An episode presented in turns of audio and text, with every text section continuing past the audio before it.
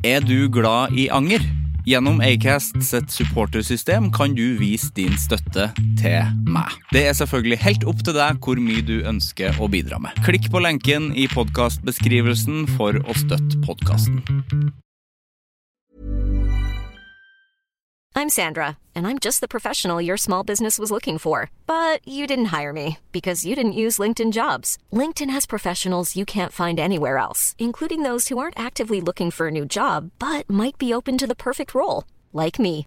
In a given month, over 70% of LinkedIn users don't visit other leading job sites. So if you're not looking on LinkedIn, you'll miss out on great candidates like Sandra. Start hiring professionals like a professional. Post your free job on linkedin.com/people today. Hi, I'm Daniel, founder of Pretty Litter. Did you know cats tend to hide symptoms of sickness and pain? I learned this the hard way after losing my cat, Gingy. So I created Pretty Litter, a health monitoring litter that helps detect early signs of illness by changing colors, saving you money and potentially your cat's life. Pretty Litter is veterinarian developed, and it's the easiest way to keep tabs on your fur baby's health right at home. Go to prettylitter.com and use code ACAST for 20% off your first order and a free cat toy. Terms and conditions apply. See site for details.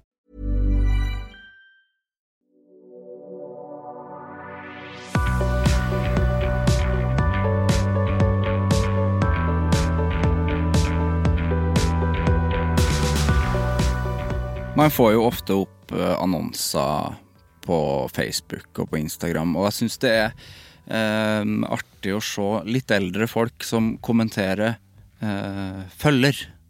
For det gjorde man før i tida. Eller jeg gjorde aldri det, men folk gjorde det før. Og da har jeg begynt å se igjen at eh, eldre folk eh, de skriver følger, de. Fordi eh, På annonser, for, for eksempel, som jeg så i dag, som jeg aldri har sett før, men som jeg syns var et eh, ganske genialt produkt. Et slags eh, hode... Nei, pannebånd. Eh, et pannebånd, men at det er eh, hodetelefoner inni. Eh, så du kan ha det på deg Du kan ha, varme ørene dine med det. Og så var det òg bare bilde av at du kan ha det på deg når du sover, så du slipper å liksom ligge på eh, AirPodsen eller hodetelefonene, som ikke er noe veldig behagelig. Nei, det var det ei som heter Inger som hadde kommentert. Følger. Og da syns jeg Ja, for du, du Hun var sikkert eh, nærmere 80 år. Så hadde hun kommentert 'følger'. Ja, gjør du det, Inger? Følger du det? Ja. Skal du ha det? Skal du kjøpe sånn? Skal du følge det fordi at du, du vet at du kan Du kan jo lagre, eller du, kanskje du har noe Har du noen barn eller barnebarn som kan vise deg at du kan jo lagre det innlegget i stedet, i stedet for å skrive følger. Sivert Mo heter jeg. Velkommen til Anger.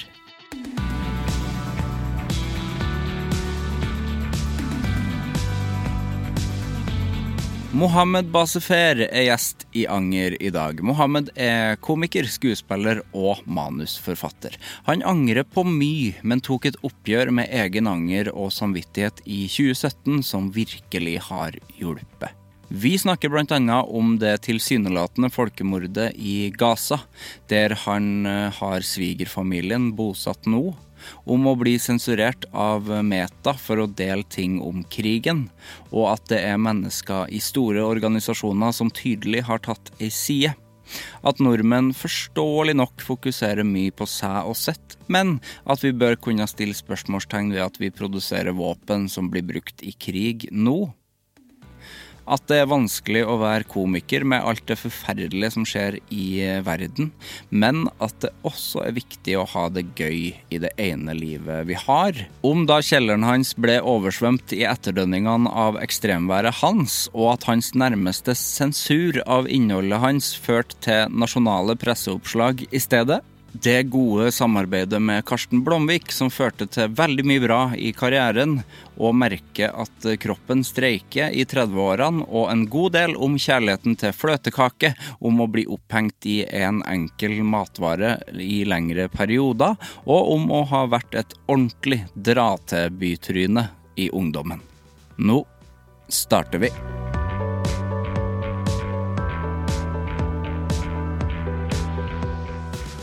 Var en fin genser. Takk skal du ha. Jeg kjøpte den på eh, Fretex eh, dagen etter at jeg mista den ene ullgenseren min. Yes. som jeg elska mer enn alt på her på jord. Og så Hvordan så den ut? Det var masse fine mønstre og sånt. Ja. Eh, jeg så ut som en Ola Nordmann ganger 1000. Ja. Men nå har jo jeg denne her, og ja, det er en sånn fin trøst. God caps også.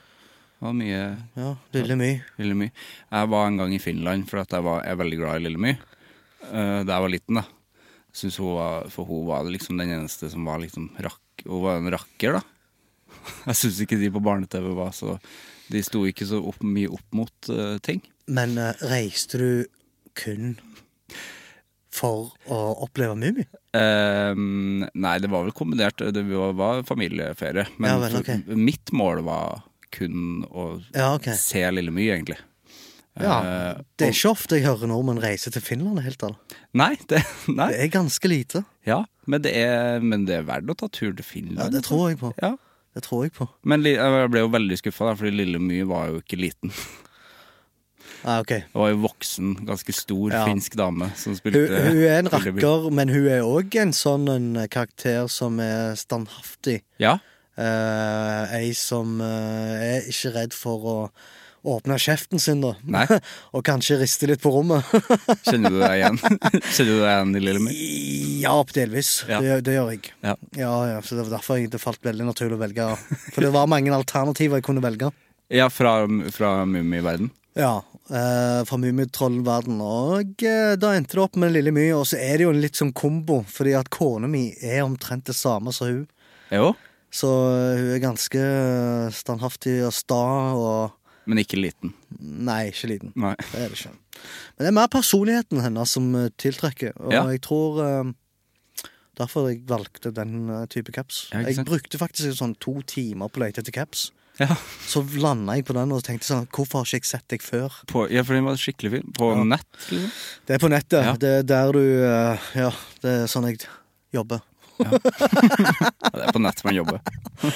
uh, ja, men kult av deg å ha meg med. Jeg, eh, jeg er veldig glad for å bli invitert. Ja, jeg syns jo, jo du burde ha hatt pod. Har du tenkt på det? Jeg på det? kjørte min egen podkast før, Ja. uh, Mohammed Co. Og Stemmer det. jeg dreiv litt med litt ulike konsepter i andre typer podkaster. Eh, jeg var ganske ny i den type verden og Ja. var veldig oppslukt. Og så Det er en stund siden, eller? To-tre år siden. Ja. Og eh, har da flytta. Så etter jeg flytta, så har jeg bare vært sånn Litt grann lat på podkastverden, men jeg, jeg har jo tidligere følgere som ønsker at jeg skal fortsette å lage Mohammed Kona. Eh, Ja. Men egentlig så har jeg bare lyst til å kjøre noe eget rant-greier. 20 minutters, eh, 30 minutters. Ja, for det hadde jeg likt. Jeg syns du, du burde hatt et sånt format som uh, Dag Sørås har, egentlig. Bare sitte og prate alene. Mm, ja, det kan funke. Ja. Uh, men så tenker jeg jo det er litt mer praktisk å, om jeg har det, men jeg har ingenting imot å ha gjester. Og Nei. Det er bare det at det krever mye mer når du må redigere det sjøl, når du må styre og klippe sjøl. Trenger ikke klippe så mye. da. Eh, ikke? Nei.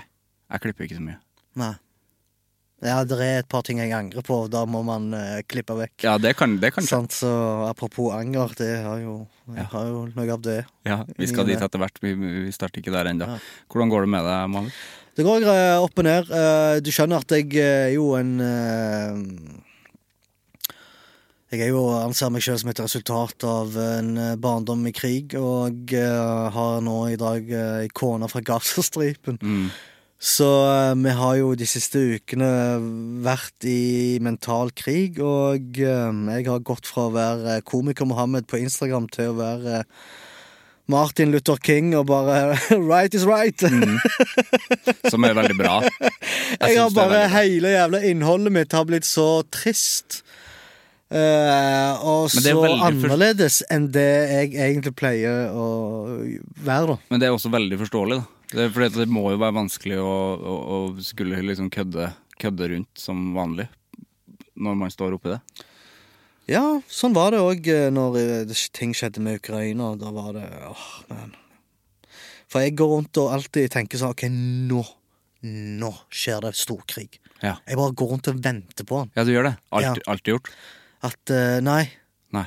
Men eh, hvis man studerer de siste årene, altså alle land bare kjøper mer og mer våpen og lagrer det for hva? Ja. Hvorfor skal, alle, hvorfor skal alle ruste opp sine militære Hva er det vi venter på? Ja, og hvorfor skal vi ha eh, mye mer beredskapslager enn eh, Ja. enn før? Og eh, da tenker jeg sånn, OK det, Hva skal jeg gjøre hvis det skjer en storkrig? Det er den samtalen jeg har hatt med kona mi. Ja.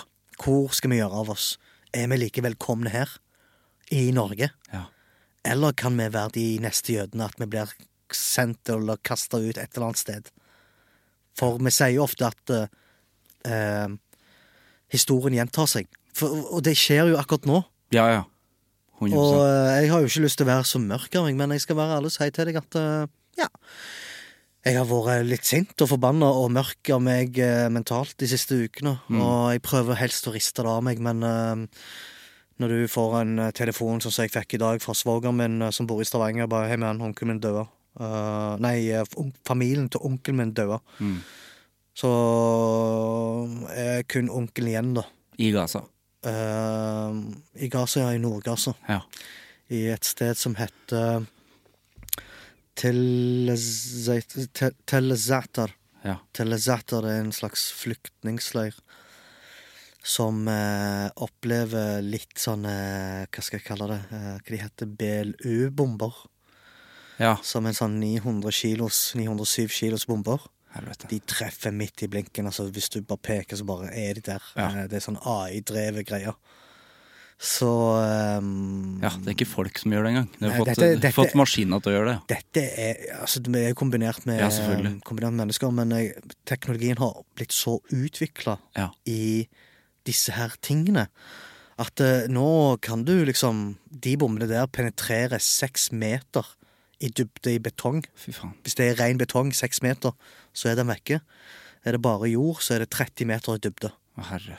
Så den går langt ned i jorda. Ja, veldig. Eh, og lager sånn trykkbølger som, jeg, som river alle slags leddene du har. Mm. Så um, tenker jeg sånn, vet du hva, det hadde vært Ok, det er greit om det var en krig, ok, men de har ingen plass å rømme. Nei. Det er et mareritt å være innelåst i den byen der. Mm. Og eh, jeg sitter der og tenker sånn, faen eh, Jeg kan ikke sitte og gjøre noen ting. Jeg, jeg, jeg, hva kan jeg gjøre utenom å si til mine følgere at eh, beklager, folkens, men uh, eh, Se på meg her. Se på de. Mm. Nå er, det en, uh, nå er det ikke komiker Mohammed, men det er faktisk tendenser til et folkemord her. Mm. Jeg vet at å si, kalle det for et folkemord har vært litt uheldig, men man må være litt påpasselig å snakke rundt det. Og det, jeg tror det å si at det er tendenser Mm. til et folkemord er litt mer rett, da. Eh, det er jo eh, folke... Hva, hva var det de sa når krigen starta? At nå skal det være kollektiv straffelse. Kollektiv Ja, sa det? Avstraffelse Ja. av folket. Så og Da er det jo den der gode, gamledagse metoden, nemlig sult. Mm. Kutt vann og brød og- Ja. Og få de til å være våkne om natta. Mm. Det er liksom eh, tortur. Men hva tenker du når du da, For at jeg setter jo pris på at du opplyser om det. Eh, men hva eh, tenker du når du når du må gjøre det? Eh, jeg tenker at eh, her er det så mye urett som det samfunnet jeg bor i, Mm. ikke har peiling på, egentlig. Eh, de sier at de forstår de jeg snakker med, men jeg tror ikke de forstår. Jeg tror ikke de forstår denne langvarige generasjon etter generasjon med mindre og mindre rettigheter og mer og mer undertrykkelser. Mm. På et tidspunkt så må den ballongen sprekke. Og eh, jeg tror heller ikke det norske samfunnet er fullstendig klar over at eh, Hamas har jo faktisk blitt uh, pusha fram av de som nå kriger mot dem, altså Israel. Og hvorfor skal de gjøre det? Nemlig det for å skape hodepine for eh, den tidligere presidenten Yasser Arafat. Eh, så de ville splitte palestinere, og det fikk de til. Altså, de gjorde det. Eh, men eh, de visste òg veldig godt at Hamas er jo en gjeng med ekstreme eh, holdninger og god, gammeldags, konservativ, religiøs tankegodt, altså tankegreier. Um, noe som krasjer imot det som jeg og deg ser på demokratiske verdier. Samtidig er det greit å snakke om at den andre siden, altså Israel, de har jo ikke akkurat så mye demokrati i det samfunnet der, selv om det er eh, enkelte som velger å se på det landet som det eneste landet i Midtøsten med demokratiske verdier. Og at det, Ja, ja, Midtøstens eneste demokrati. Bare sånn, nei. Det er jo fader meg en statsminister som har stjålet valget, og som har vært korrupt, korrupt og er på vei til å bli tiltalt for korrupsjon. og De har jo bare endra på grunnlovene sine, sånn at de får immunitet for å ikke bli straffa, eller straffeforfulgt. og Det er jo ikke demokratiske verdier. nei. Eh, når du har noe som heter apartheidstat. Amnesty, mange organisasjoner kaller Israel for apartheidstat. Og det er jo fordi at palestinere ikke har særlig mye rettigheter. Nei. Samtidig som israelerne vasser i rettigheter som ikke burde vært lov engang. Hva syns du hvis jeg hadde fått politiet til å komme utfor døra di, kaste deg ut, og så foran trynet ditt flytter jeg inn sakene mine hjem til deg? Jeg hadde ikke tenkt at eh, nå her lever jeg i et demokrati. Det er et velfung velfungerende demokrati. Og når sånne ting eh, oppstår i, over lang tid, og det ikke kommer særlig mye nyheter om akkurat dette her på vestlige plattformer eller medier, så, så så skjønner jeg hvorfor enkelte har en annen virkelighetsoppfatning enn meg, og mange andre arabere som gjerne blir bomba med disse nyhetene dag etter dag. At på et tidspunkt så blir det litt sånn ah, whatever. Det der eh, ny, ny dag, ny handling, samme handling. Ja, ikke sant? en ung palestiner ble fengsla, eller en som ble skutt på, eller en som har blitt fratatt sitt eget hjem. Ja, for er det sånn at folk Tenker du at folk blir liksom mette, eller klarer ikke å ta det inn over seg? På et tidspunkt, hvis jeg bomber deg med nyheter om eh, et menneske som har blitt drept eller trakassert eller ditt og datt, så blir du OK. Eh, følelsesmessig så blir du eh, herda. Mm.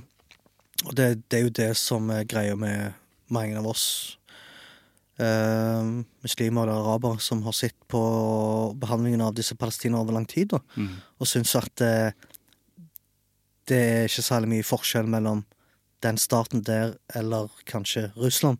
Nei, ikke sant? Eh, begge begår eh, krigsforbrytelser og brudd på folkeretten. Og, men eh, Israel er jo våre venner. Eh, vi har kanskje litt dårlig samvittighet fordi at vi har sendt 500 jøder ut av Norge. Og skal da nå betale prisen med å holde kjeft når de sjøl begår kriminelle handlinger.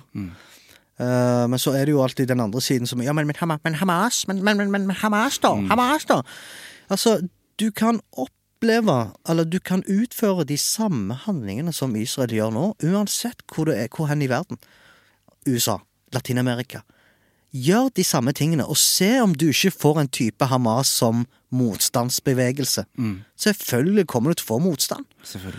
Så det med å peke kun på skulle Hamas Det skulle bare mangle. Ja, det det skulle bare mangle. Jeg tenker at uh, Max Manus og den gjengen var jo ikke akkurat særlig uh, uskyldige deres motstand uh, og deres aksjoner. Um, og dermed så kan man sette det litt i perspektiv. Ja, de Noen vil si ja, men de drepte jo ikke sivile. Men det var jo sivile som ble drept. Ja. Det var en del sivile som måtte betale prisen for den type terroraksjoner. Um, jeg forsvarer ikke Hamas. Jeg syns deres handlinger uh, og politikk spesielt er jo helt sånn Hull i hodet, som vi sier i Stavanger, da. Uh, men um, jeg skjønner deres motstand. Jeg støtter deres motstand, for jeg er en sånn antiimperialist. Altså, jeg har jo fått det i brystmelk av foreldrene mine. Anti-England, altså så- den kolonialismen og det kolonialistiske prosjektet som ennå lever, den eh, har jeg lært til å stille spørsmål ved. Um, for min far og bestefar de har jo gått gjennom mye dritt. Og nå ser vi at eh, kolonialismen er kanskje ikke død, Nei. men den har bare tatt en annen form. For eh, ingen av oss arabere har, vil jeg påstå å si, har noen ting imot jødene, men jeg føler sionismen og det politiske prosjektet sionismen, som ble dannet i 1897, den bruker jøder som et, eller jødedommen som et kort for å implementere et kolonialistisk prosjekt på et land som allerede har folk. I den deklarasjonen som ble skrevet mellom England, utenriksministeren i England, og lederen av det jødiske samfunnet, uh, Rothschild, så står det sånn Yeah, now we have uh, yeah, a land without a people. For a people wi- without a land. Problemet er at det var jo folk i det landet som de beskrev a land without a people. Det er sånn 750 000 palestinere måtte forlate sine gårder og hjem. Over 400 landsbyer. Men dette er jo ikke noe som blir undervist til disse israelerne. Derfor du kan gå inn på TikTok eller andre plattformer og se at f- de har ganske dehumaniserende syn på palestinere og arabere. Og det skjer ikke på dagen. Du, er jo, du, blir, du blir ikke eh, plutselig på 24 timer en som kjemper for folkemord. Dette går gradvis, der du må ofre litt av din samvittighet for hver kompromiss du må gjøre. Og begynne å se på disse menneskene som rotter. Spotify-hiten i Israel nå er en hiphop-sang som handler om at Palestina er rotter, og parkeringsplassen, den nye parkeringsplassen er Gaza. Ah, er det sant? Det er Topper lista. Ja. Så det, det viser bare at samfunnet har eh, Israel har dessverre eh, blitt lært opp til å tenke det verste om palestinere. Og vi kommer ikke til å få fred dersom dette narrativet ble presentert, nemlig at araberne vil ikke ha noe med jøder å gjøre, at verden er imot dem, at alle er imot dem, og at de må kjempe med klør og nebb uansett koste hva det koster. Ungene, dyrene, alt må utslettes for å opprettholde et jødisk land, da. ja. Når du vokser opp, og det, det er flere jøder som har gått opp i sosiale medier og sagt vet du hva, jeg har vokst opp i et sionistisk hjem. Når du vokser opp, så har du vanskeligheter med å se for deg at det, det er du som er problemet. Du forstår, Det er vanskeligere og vanskeligere å se at du er en del av dette apartheidsmaskineriet som skiller deg fra de andre, da. Og når du da innser feilen og, blir, og ender opp med å snakke høyt om det, så blir du fryst ut av din familie og din, ditt miljø, da. ja. Og det er mange som har eh, jøder som jeg heier virkelig for at de har stått opp og sagt de tingene der, for de innser at det er et problem. Og derfor er det veldig viktig å påpeke under den på innspillingen at eh, jeg ser ikke på konflikten som en konflikt, jeg ser på det som en etnisk rensing. Jeg ser på det som skjer som et kolonialistisk prosjekt, utført med støtte av England og Frankrike og USA nå. Sant? Jeg syns jo det er helt absurd at noen kan fortsatt kalle det en konflikt, for at jeg syns konflikt er et veldig mildt ord. Ja, og det er det jeg har sagt til mange, at uh, Konflikt har du på jobb, liksom? Eller du har bare litt sånn Men deg og vennen din uh, ja, sant, uh, Vi krangler litt. Skal jeg kalle okkupasjonen av Norge som en tysk-norsk krangel? Diskusjon? Ja, ja. Det er jo akkurat det samme. Mm. Nei, da bagatelliserer jeg det. Men jeg tror ord er makt, og jeg tror eh, det er viktig å påpeke at det, det kriges ikke bare i Gaza, men det kriges i sosiale plattformer.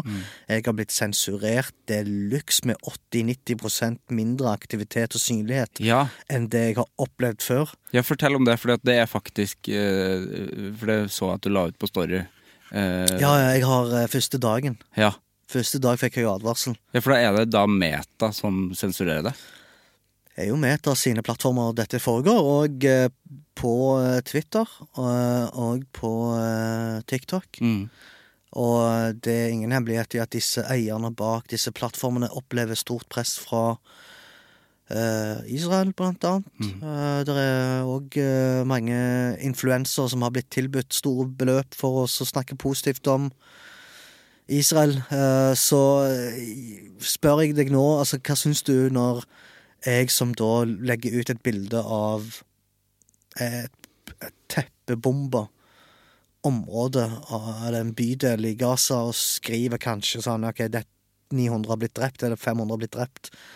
og så blir det sensurert vekk. Men hvis jeg da hadde lagd narr av palestinere, satire, og lekt og gjort narr av disse ofrene som dør nå, så blir det innholdet frampusha eller framheva. Den kontrasten er jo bare så jævlig banalt. Det er videoer på videoer som viser sånne influ israelske influensere som eh, får ganske mye hit på ekle videoer. Forkastelige videoer. Ja. Så um, krigen er overalt, og oss, for oss som eh, snakker høyt om eh, palestinere, vi blir jo eh, stadig sensurert. Dette er ikke første gangen, det er ikke første krigen jeg ble sensurert. Sånn, sånn var det i 2014 òg, og 2021, når det skjedde. Så eh, når en sist krig før denne oppsto, så var det shadow banning. Ja. Og mm, da mister jeg litt tro på menneskeheten, altså. Mm. Det, ja, ja, jeg forstår at disse plattformene er private, og de kan bestemme hva de vil, ditt og datt, men jeg tenker de har et ansvar med tanke på at Instagram har over fem milliarder eh, brukere. Mm. At det er liksom OK, hva med å ha litt eh, balanse på diskusjoner? ja, og det er jo også så tydelig at de tar i side da, når de, eh, når de sensurerer eh, sånt innhold. Mark Zuckerberg er jo en eh, fyr med jødisk bakgrunn, og eh, jeg tenker at eh, det, er jo ikke utenkelig at han vil ta side med israelerne her. Nei. men jeg ser på israelerne som sionister framfor jøder. Det er mange jøder som påpeker at eh, ja, men vi har jo ikke lov å ha vårt eget land. For det står i vår hellige bok at vi kan ikke Gud har forbudt oss å danne vår egen stat. Ja, ja. Det er sånne ortodokse jøder som peker på Tora- Toraen, helligteksten deres. Så. Eh, mens sionismen, eller han som lagde sionismen, da Han eh, bodde i Sveits og var ateist. Og trodde ikke på Gud, hadde ingen sånn tilknytning til eh, jøder, egentlig. Bodde i Sveits også, så betalte ganske lite skatt også. Ja, i tillegg til det, ja. og så har han på en måte tenkt, ok, eh, for å så finne en løsning på det jødiske problemet i samfunnet vårt, for det er det disse ble sett på. Jøder ble sett på som jødisk problem i, i hele Europa. Så fant de ut at ja, men da kan vi lage vårt eget eh, Vi kan danne et land for dem, da. Og så var Argentina, Uganda og Kenya og Madagaskar og Palestina som et av de landene som de kunne se nærmere på. Og da hvilte det veldig på det landet som heter Palestina, da. Uh, så de sendte jødene der, og uh, jeg vil påstå å si at mange av de jødene visste ikke hva de uh, dro til. De, jeg tror ikke de visste at de kom til å dra til hus som allerede er bebodd. Nei. Det er ei da, norsk dame som la ut et bilde av sin bestemor, som var jøde. Og hun hadde sagt Bestemor hadde sagt til hun da at uh, jeg uh, fikk beskjed om at eh, jeg kunne få meg et hjem i Israel, og når jeg reiste dit, så fikk jeg nøkkelen, og så så jeg på kjøkkenet at det fantes allerede ting som var der fra før.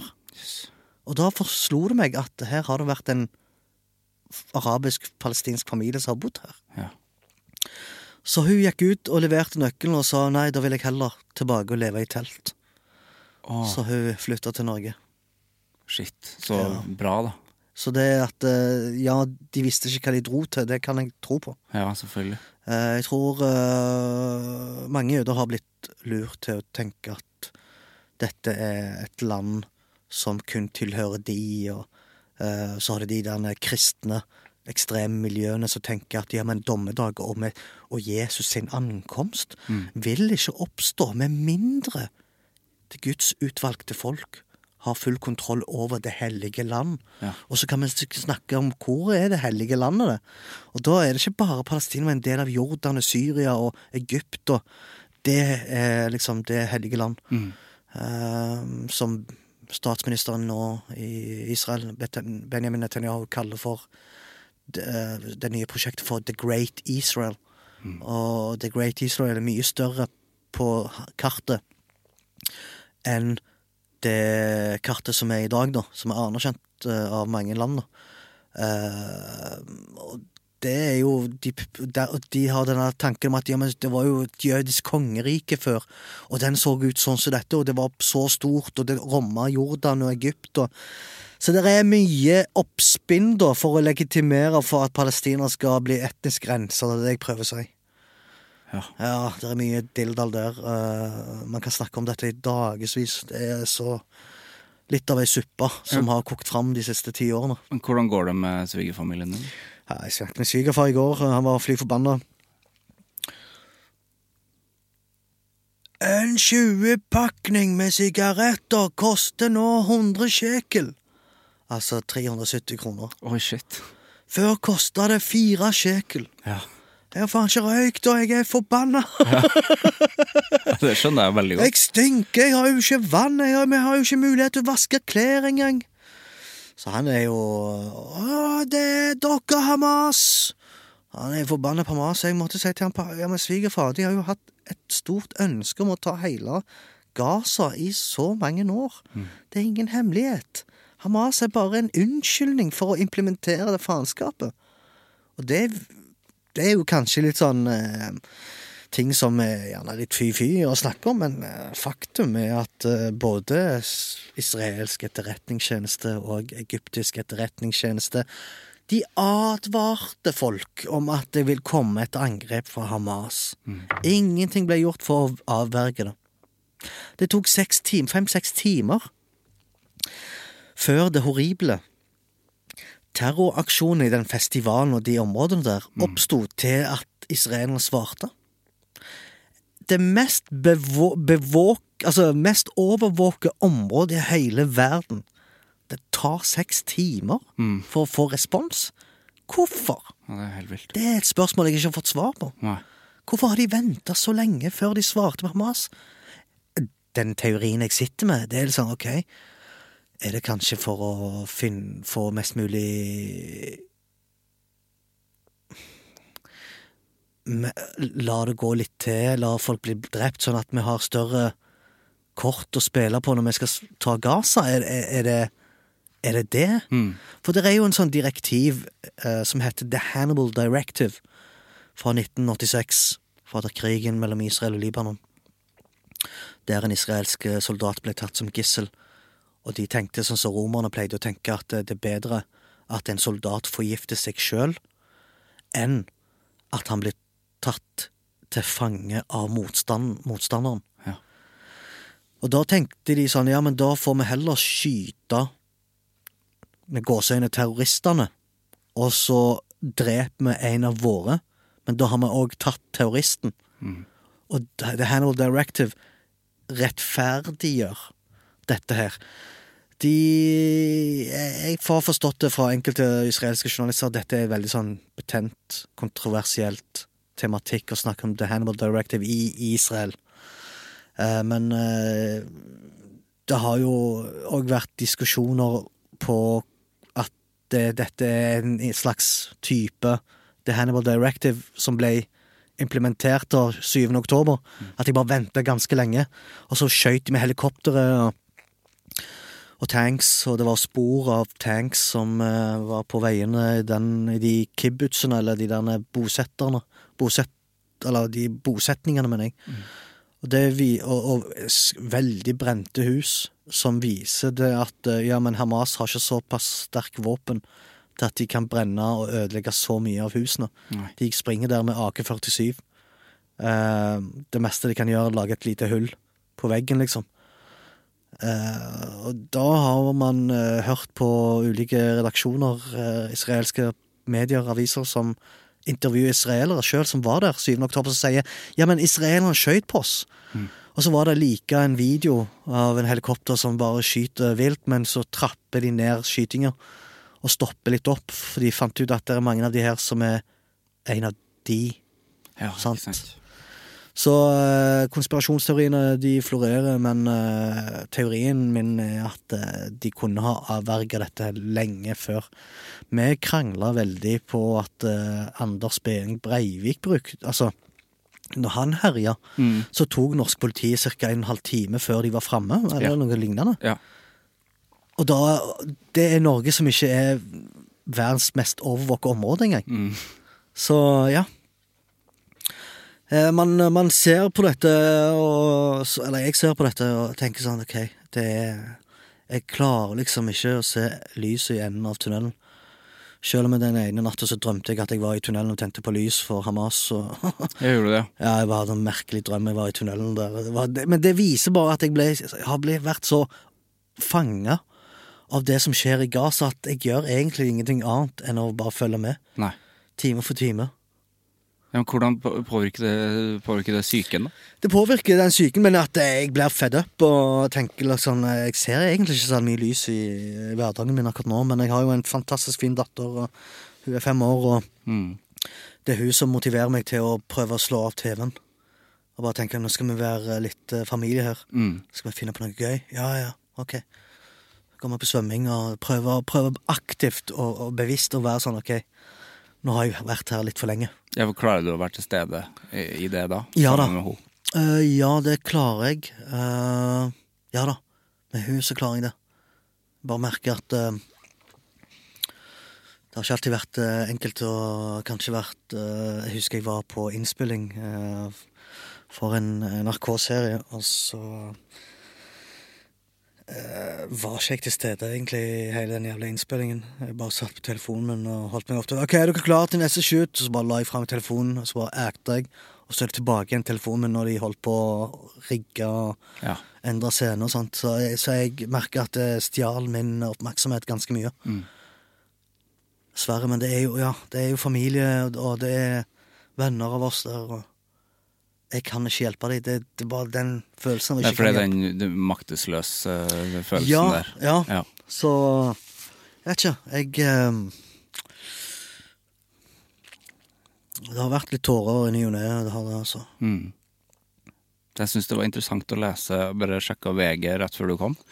Hoved, altså Toppsaken på VG nå var at uh, et eller annet med kantine, uh, og at Universitetet i Oslo var misfornøyd med kantina. Det var da det hovedsaken. Altså svært bilde av noen uh, sandwicher, liksom. Jeg snakket med en, eh, en som jobber som journalist, jeg skal ikke si hvor, men eh, han sa det at det, det er ikke det at vi ikke vil skrive. Det stopper opp hos redaktøren. Ja. Stopp Der- hos, stopp oss desken. Der redaktøren kanskje har vært på besøk på kaffe og kaffe hos den israelske ambassaden noen uker før, Mm. og bare fått litt sånn korrigasjon på hva de syns om dekningen til den avisen, for eksempel. Mm. Så eh, redaktørene våre i Norge blir jo faktisk pusha til å ikke skrive om ting. Ja, ikke sant. Hvor mange som vet om dette, det vet jeg ikke. Nei, men det ser jo veldig sånn ut. da. Jeg er ikke overraska. Jeg husker veldig godt eh, den, den det, det, mass, det var massiv dekning de første ukene når Ukraina ble invadert. Ja. Dag inn, dag ut, 24-7, med akkurat nå-overskrifter. ja. Og sånn loop på NRK med bare Dagbladet og VG, Aftenposten, alle NRK, alle dekka det ganske hardt i flere uker. I dag sjekka jeg forsidene med kona, så sa jeg til henne ja, ja, det er bare Klassekampen som uh, tar opp uh, gåseøyne konflikten. Mm. Uh, mens alle andre var bare sånn, ja Sånn uh, skatteligningen til de som har flyttet til Sveits. Ja. Nei, Ja, vel, eh, her eh. Hva med å snakke litt om eh, hvorfor vi deler ut fredspriser og selger våpen som havner i Gaza samtidig? Altså, hva, hva med at vi snakker litt om det? Og Derfor bruker jeg et ord jeg ikke liker å bruke, men dette er hykleri. Fra topp til tå. Mm. Uh, jeg skulle ønske at det var litt flere redaktører som hadde litt bein i uh, nesen og dekke den eh, krigen der, for den er på vei til å eskalere, fordi at det er ikke bare Gaza som blir bomba. Eh, du har eh, Vestbredden, som for aller første gang gjennom hele historien blir bomba av helikoptre.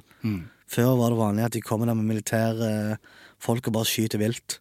Men nå er det raketter fra helikoptre, det er noe som de aldri har opplevd før, de palestinerne på Vestbredden. Libanon blir bomba. Syria ble bomba. Syria ble bomba senest i går, i Damaskus.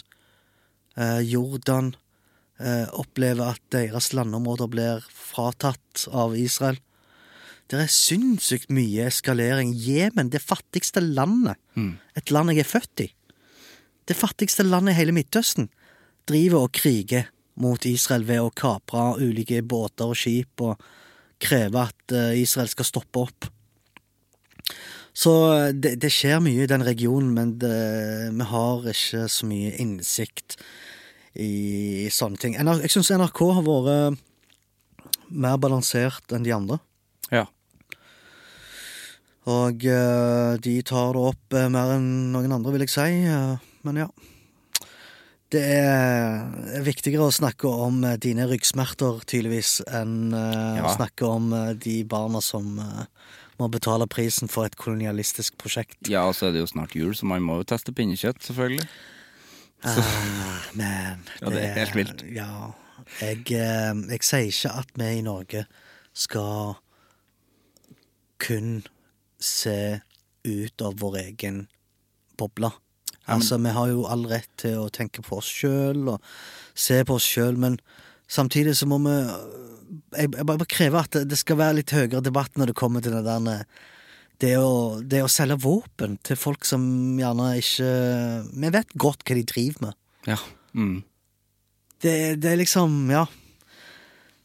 Jeg kommer aldri til å stoppe å fortelle min datter eller barnebarnet mine i framtida at eh, vet du hva, det landet du elsker så høyt, vet du hva de har gjort mens dette foregikk? Mens bestefaren din Mens bestefaren din dreiv og ble bomba på, så dreiv det landet du elsker så høyt, og selge våpen Ja, helt. til de som drepte bestefaren din. Det kommer jeg til å si. Og eh, ja. Men Jeg kommer, jeg kommer ikke til å endre og pynte på det. Nei, men det syns jeg er kjempebra. Det skal man ikke heller. Men uh, dattera di er fem. Hvor mye forstår en eh, femåring? Hun forstår ikke så mye, men hun har jo stilt spørsmål ved hvorfor det brenner i Gaza. Ja. Og da må jeg forklare med at eh, de vil ta land, de vil ta hus. Mm. De har tatt masse hus fra palestinere. Men hvorfor? Det vet jeg ikke. De er slemme? Ja, de er slemme. ja. Det er ikke sånn det skal være. Så det forstår hun. Ja. Så peker jeg på et bilde av hun når hun sitter og spiser brød og drikker vann. Og bak hun er det seks-syv israelske soldater som bare henger. Eh, fra det bildet ble tatt av hun når hun var ved Tel Aviv-flyplassen. Mm. Eh, for å komme seg hjem til Norge på grunn av alt skulle stenges på grunn av korona. Ja, ikke sant. Da fikk eh, kona mi og datteren min lov til å reise fra Tel Aviv-flyplassen som de første palestinerne som har lov å reise fra Tel Aviv-flyplassen. Ja. Ja. Så det er jo Så peker jeg på, det, på, på, på de soldatene og sier De, de der, de er slemme. Mm. Så det har, har jo liksom vært sånn Forklaringsmessig så har det følelsesmessig vært Jeg har ikke klart å fortelle uten å putte følelser i den såkalte opplæringen, da. Nei, klart det. For det er jo eh, Det er jo en okkupant og en, og en okkupert vi snakker om her. Ja. Det som er eh, også bare litt apropos media, så øh, Dere ble jo ramma prega av flommen. Det ble jo skrevet om i, i, i VG. Uh, men jeg uh, Det var jo flom i høsten, og jeg ble ramma Ja, for det var nå i høst. Ja, det var nå i september-august. Ja. August var det. Og da hadde det allerede vært den der eh, Ivar, eller hva, hva heter den stormen? Hans, eller? Ja, Hans, ja. Ja. Stemmer Hans. Og da var jo allerede jorda ganske fullt med vann, da. Ja. Så kom det etter noen dager igjen enda mer regn. Ja. Og det var andre runden min leilighet ble oversvømt. Ja, så det var ikke selve hans, det var etterdønninga av Yes, hans som, ja. tok, som tok det. Stemmer det. Ja. Og eh, da tenkte jeg sånn Ok, nå har jeg sånn seriøst ingen plass å gå til. Ehm, så dreiv jeg og filma dette, og la det på Story. Mm. Så klikker kona mi.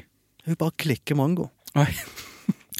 Kan du for guds skyld Slutt slette dette. Ja. Ingen i Gaza trenger å finne ut hvordan vi har det. Nei. Og jeg ser dumt på jeg bare tror ikke du folk i Gaza har litt verre ting å tenke på? Hæ? Hva er det med deg? En oversvømmelse i Norge er luksusproblem for folk i Gaza. Ja, det er jo drømmen. Det er drømmen. Så ba hun meg slette det, og jeg bare ok, men nå prøver du å påvirke min arbeid, fordi at jeg poster dette på storyen min for å lage en vits på det. Mm. Uh, og jeg hadde en sånn en greie tanke med at ok, endelig oversvømmelse er noe action. Nå kan jeg lage humor. For jeg tenker alltid at det skal være humor i alt som foregår i min hverdag. Til Ja. tross for at det er nitriste greier. Ja.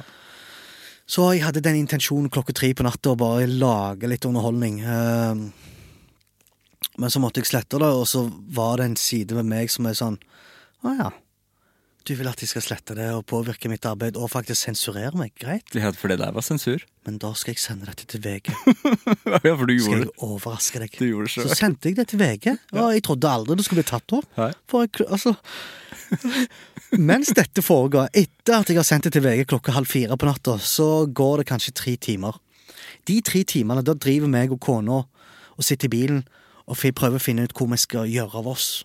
Og forslagene renner fra henne. Sånn, La oss flytte tilbake til Stavanger. Vi hadde, det, vi hadde det så mye bedre i Stavanger. Hvorfor er vi her? Jeg var nærmere søstera mi. Jeg er ikke verre her for at du skal bli invitert en gang i året i NRK. bare sånn. Hun bare pusher selvtilliten min langt ned i kjelleren. Og jeg var jo allerede i en oversvømt kjeller, så jeg trengte liksom ikke å bli tråkka ned på. Men så satt, sitter jeg i bilen, og så ringer telefonen. Og rett før journalisten ringer til meg, så sier hun ja, men nå snakker du med brannvesenet, og så ber du de om å tappe vannet fra kjelleren. Så ringer et ukjent nummer, og så tenkte jeg kanskje det er VG. Jeg går, jeg går ut av bilen, jeg. Så går jeg ut av bilen, Ja. og så, mens jeg går, så sier hun er det brannvesenet? Jeg bare ja, det er brannvesenet. Bare lyver til henne. Nei, det er journalist ditt og datt eh, fra VG.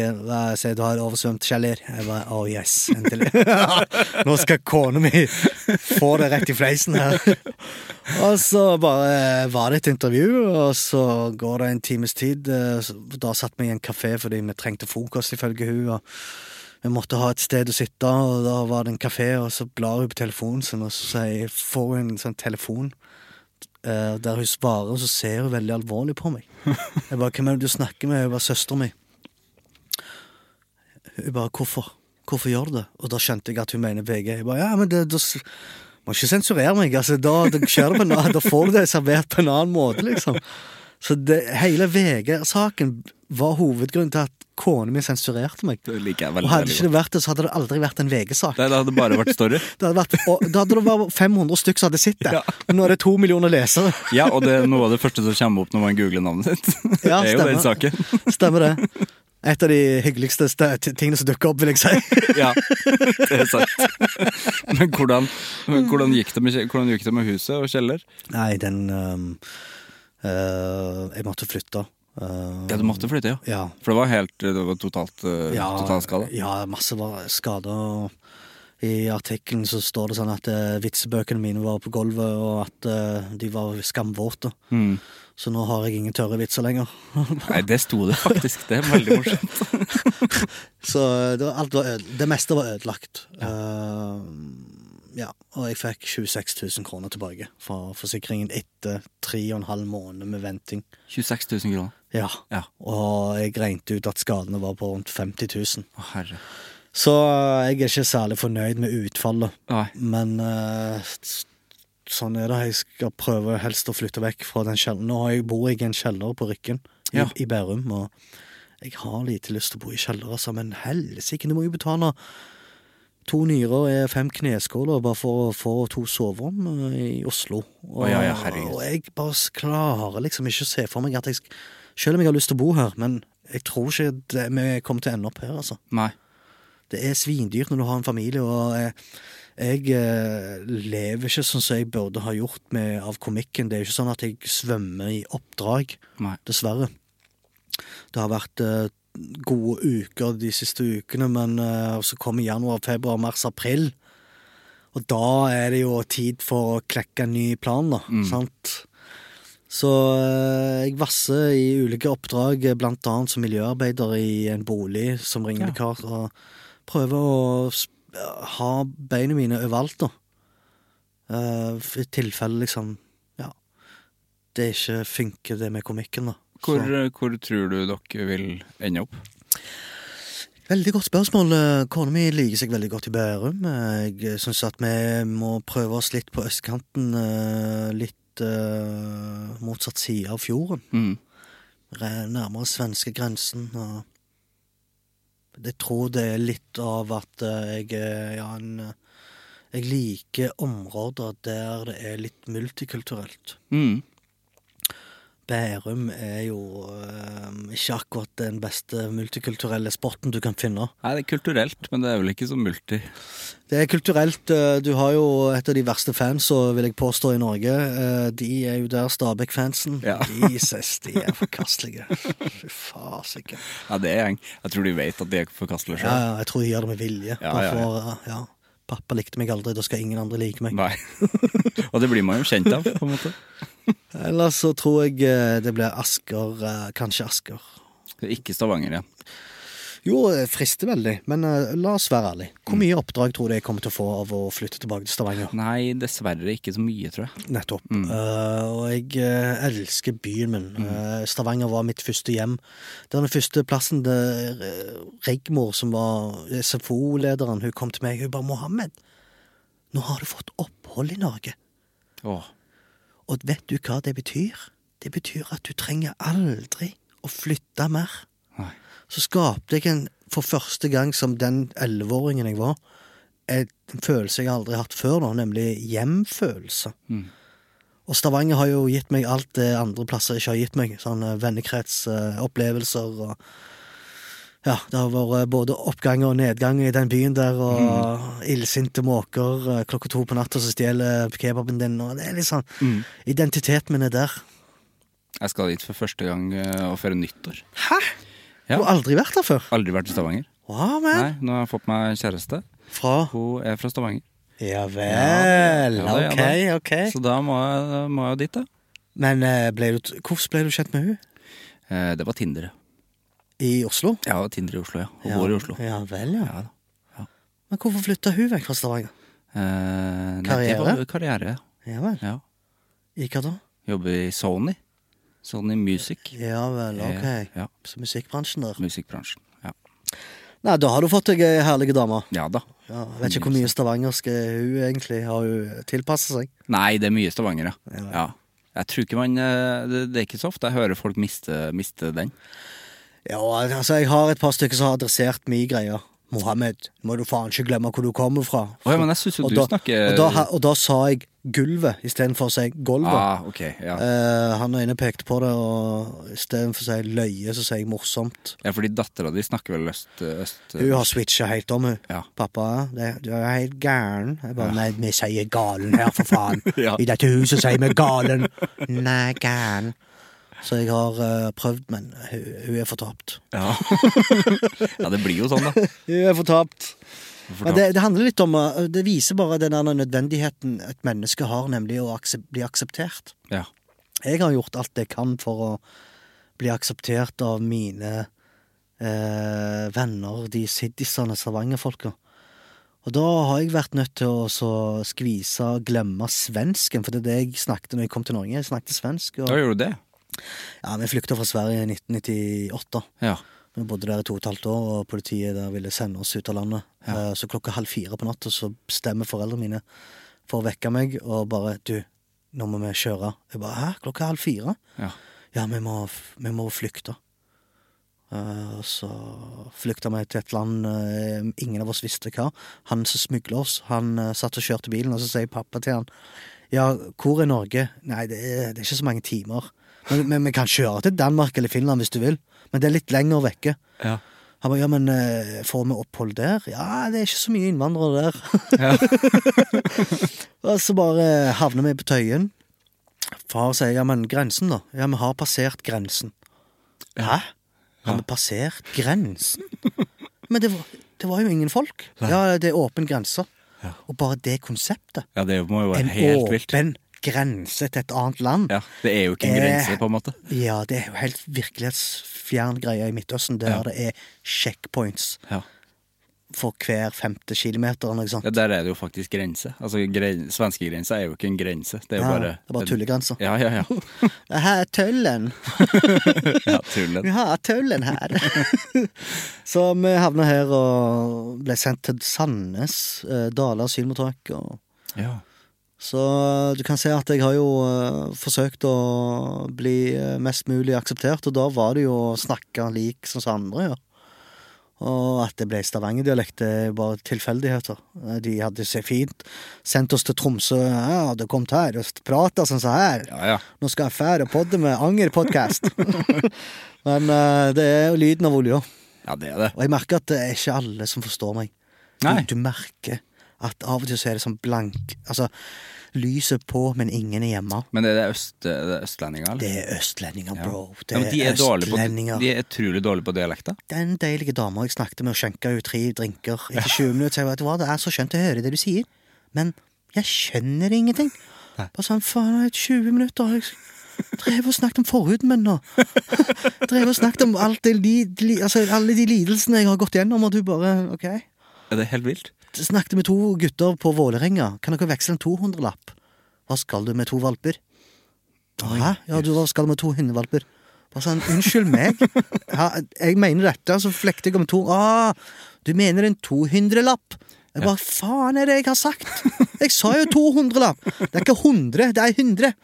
Å, Så jeg ble korrigert til og med, og tenkte, vet du hva, det er fascinerende. Er kjipt. Jeg får jo også ofte høre fra østlendinger for du, Hvor i Tromsø er du fra? Er Eller hvor liksom er du utafor Du er ikke fra Tromsø, du? Nei, jeg er trønder. Ja. Eh, og så får jeg høre Molde. Eh, Molde, Bodø, jeg tror jeg har fått høre liksom alle steder. Okay. Bortsett fra der jeg er fra. Nei, jeg tror østlendingene er de verste folka når det kommer til det å så øh, Jeg vet ikke om det er deres feil eller hva det er, men de har dårlige ører, noen av de. De og når jeg gjør standup, så merker jeg at ok, nå må jeg snakke litt saktere. Ja. For jeg merker hvis jeg rusher gjennom, så er det ikke alle som vil få det med seg. Nei. Jeg syns jo det er helt vilt. Men eh, altså, folk som er fra distriktene, forstår jo, forstår jo alle, føler jeg. Ja, det er utrolig. Eh, Jeg har eh, problemer med å forstå absolutt alle dialekter i Telemark og i eh, nå- Trøndelaget. Ja. Der er det enkelte spotter, der er det helt umulig Nei, det å forstå. kan være helt umulig. Det kan jo mumles noen i helvete her jeg, der jeg er fra. Jeg har en eh, god venn av meg, eh, Alexander, han er jo fra Stjørdal. Stjørdal. Stjørdal. Hmm. Og eh, jeg vet ikke om det er så mye forskjell mellom Trondheim og Ja, Stjørd- Stjørdal er vel litt bredere. Ok, ja. Stjørdal. Ja, men Stjørdal kan være mumlete. Det kan være mumling.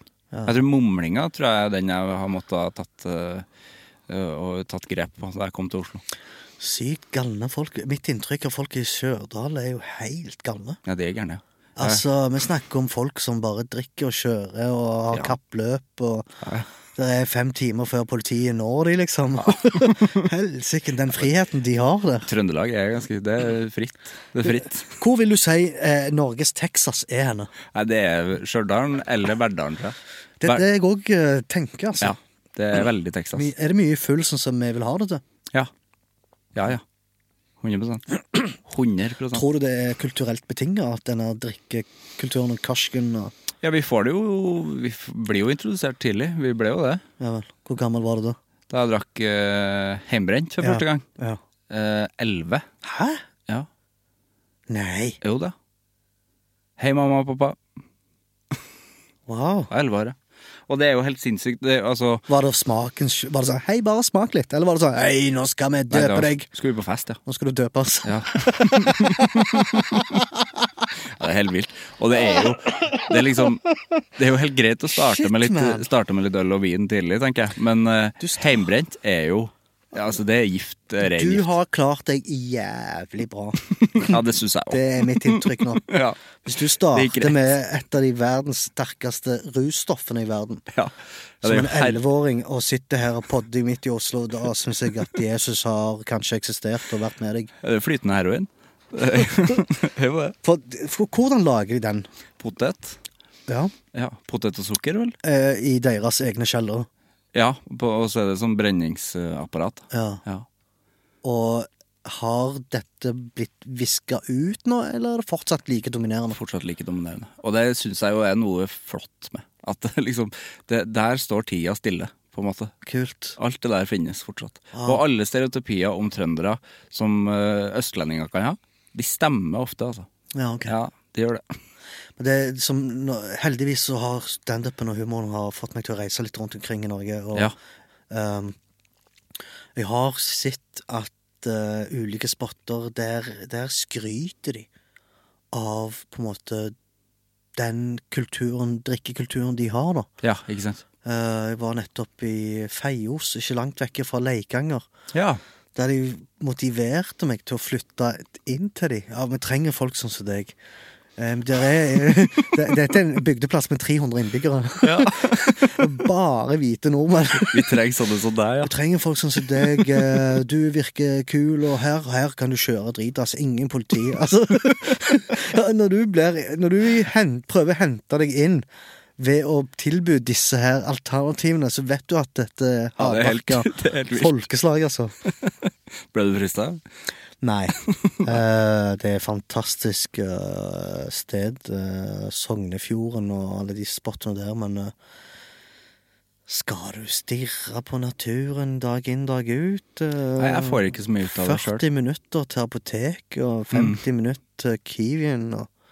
Ja, og Kiwien er den eneste. Du får ikke noen andre butikker. Nei, du får ikke det, og så må du svømme i tillegg til det. Sant? Ja, ja. Med Handlevarer i hånd og hver hånd.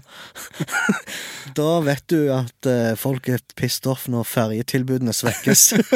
Ja, det skjønner jeg kjempegodt. Det var ei dame som brukte sånn Hva var det hun sa? Det går en hel dag bare for å besøke legen, og jeg sitter og leser dette og jeg tenker hvorfor i all verden gidder du bo der? Ja.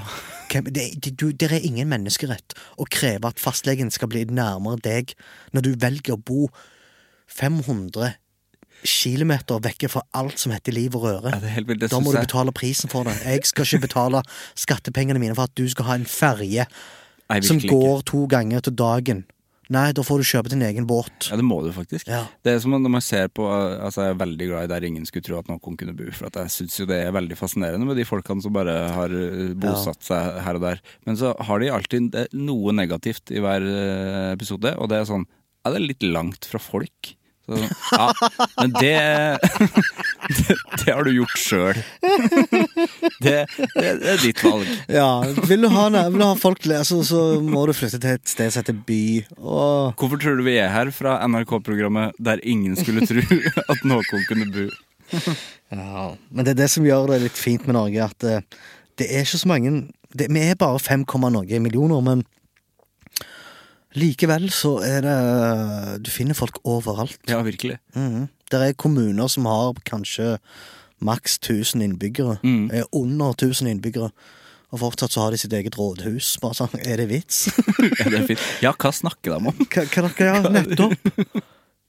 Skal dere snakke om uh, hvor Ja, det er ingenting å snakke om, egentlig. Nei, det er ikke det. Når starta du med, med humoren? Jeg starta i 2016. Da var jeg eh, Da kasta jeg meg bort i en eh, kjeller som heter Grottene. Eh, Dette er en del av Folken. Samfunnshus. Studentsamfunnet Folken Ja. i Stavanger. Og der har de en fantastisk sted.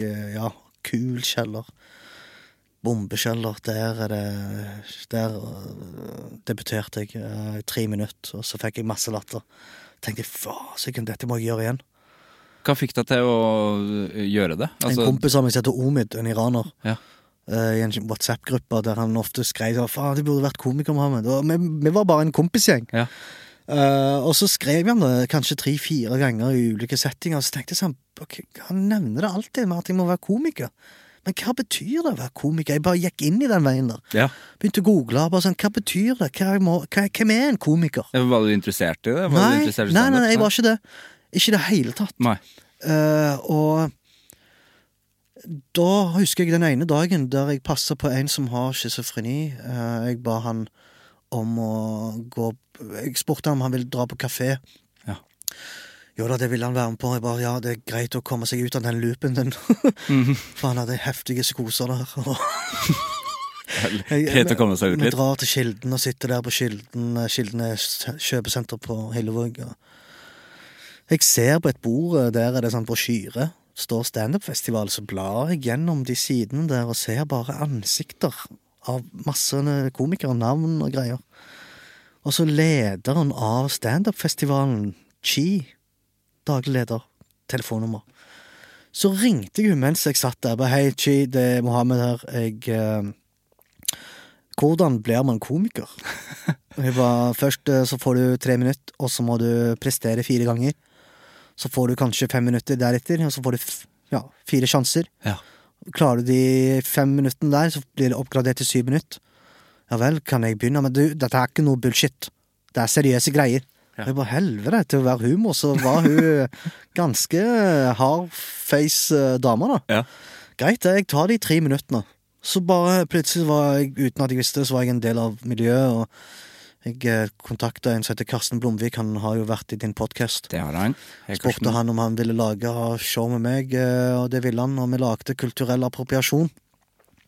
Hadde publikumsrekord i grottene, 125 mann, de fleste måtte stå, ja. Det var ingen sitteplasser, og vi debuterte med et show der eh, vi snakker litt om at folk blir krenka for tida.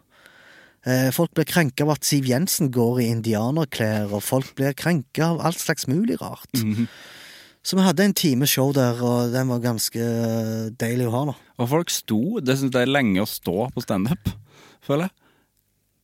Ja, ja, ja. Det er lenge. Det er veldig lenge. Ja. Men uh, det var festival, og ja, det var masse folk, og jeg ble, jeg ble veldig frelst og tenkte at dette må vi gjøre mer av, og vi lagde eh, ulike forestillinger, og så flytta Karsten. Mm. Og da måtte jeg skringlegge et show som jeg og han drev og lagde, da. Som jeg har lyst til å lage enda mer. Eh, men det får tiden vise. Det er bare det at eh, når han flytta, så eksperimenterte jeg eh, mine ideer om sammen med andre komikere. Mhm. Og eh, har lært utrolig mye, men eh, mitt savn til han jevn der økte bare mer for hver dag som går, da, og så kicka pandemien inn. Ja. Og da gikk jeg langt ned i kjelleren så psykisk. Alt må stenges. Uh, ja, ingen scenetid. Uh, det er kjipe dager på jobb. Mm. uh, korona, korona, korona, korona, dag inn, dag ut. Så sa jeg til kona, vet du hva, jeg tror jeg må ta et valg her i livet mitt. Mm. Jeg eh, må flytte nærmere Karsten og se om jeg han kan eh, få til noe. Før jeg visste ordet av det, så ble jeg ringt for å være med i en serie som heter Makta. Ja. Og de Jeg vet ikke hvordan jeg ble funnet engang, men de må jo ha sett meg opptre i grottene i kjelleren eller et eller annet, for plutselig så var jeg med i en dramaproduksjon. Mm. Eh, og det var jo ingenting med Karsten å gjøre.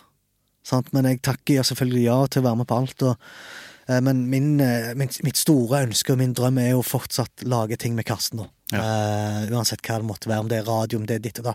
Og det er gode nyheter til de som følger han og til følger meg, at eh, vi kommer med litt sånn juicy news eh, i løpet av neste år. eh, Å, er det sant? Ja, Så bra. Ja.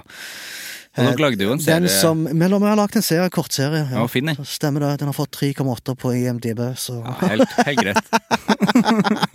Den handler om uh, puben Beverly i Stavanger, og, og uh, handler om livet til dørvakter. Ja, jeg liker den veldig godt. Mm. Jeg synes Det burde ha vært en Det hadde ikke trengt å vært en kortserie, føler jeg. Det kunne, Jeg vet man, kunne, man kunne jo dykka mer eh, ned i det. Jeg er helt enig med deg, men eh, det er ikke meg som har uh, siste beslutningsgreier, så Det var trist, men samtidig så er jeg jævlig takknemlig for at NRK ga meg og han muligheten til Mm. å utfolde oss sånn som vi ville.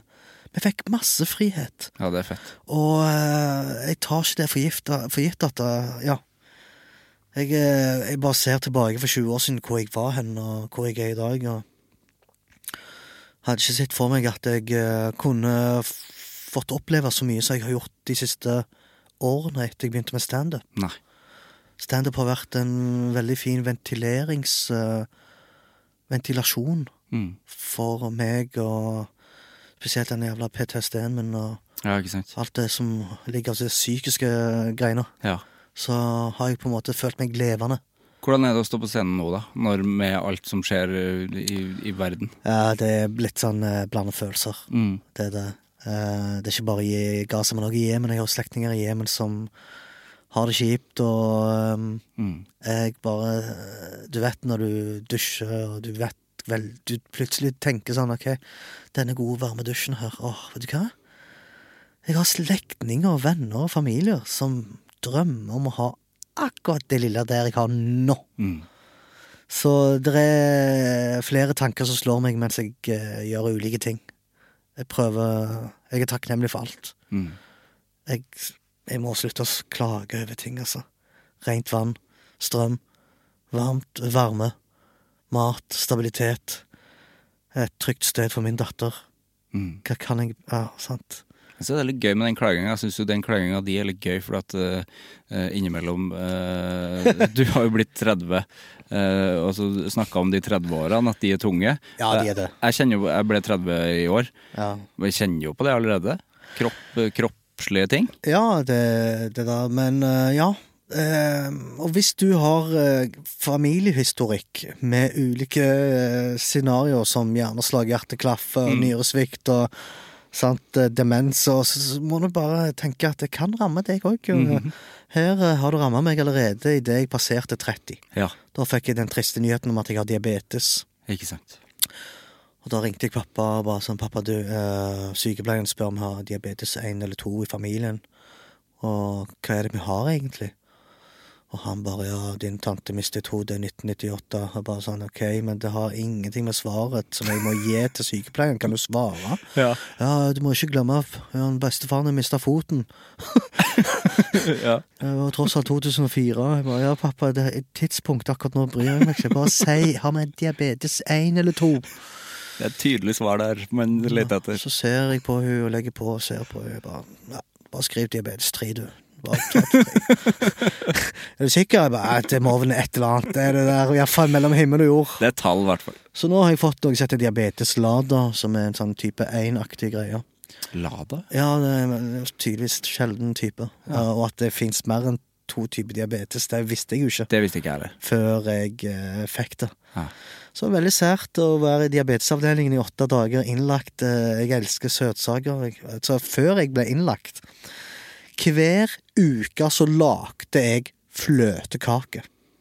Oh, Hver bidige uke satt jeg og herja. hva er det i en fløtekake? Fløtekake, da kjøper du egentlig bare ferdig bunn. Oh, ja, Så lager du masse kremskum, Ja. og så bare heller du over på alle de etasjene. Altså, det er en slags fløtekake? bløtkake med Ja, fløtekake.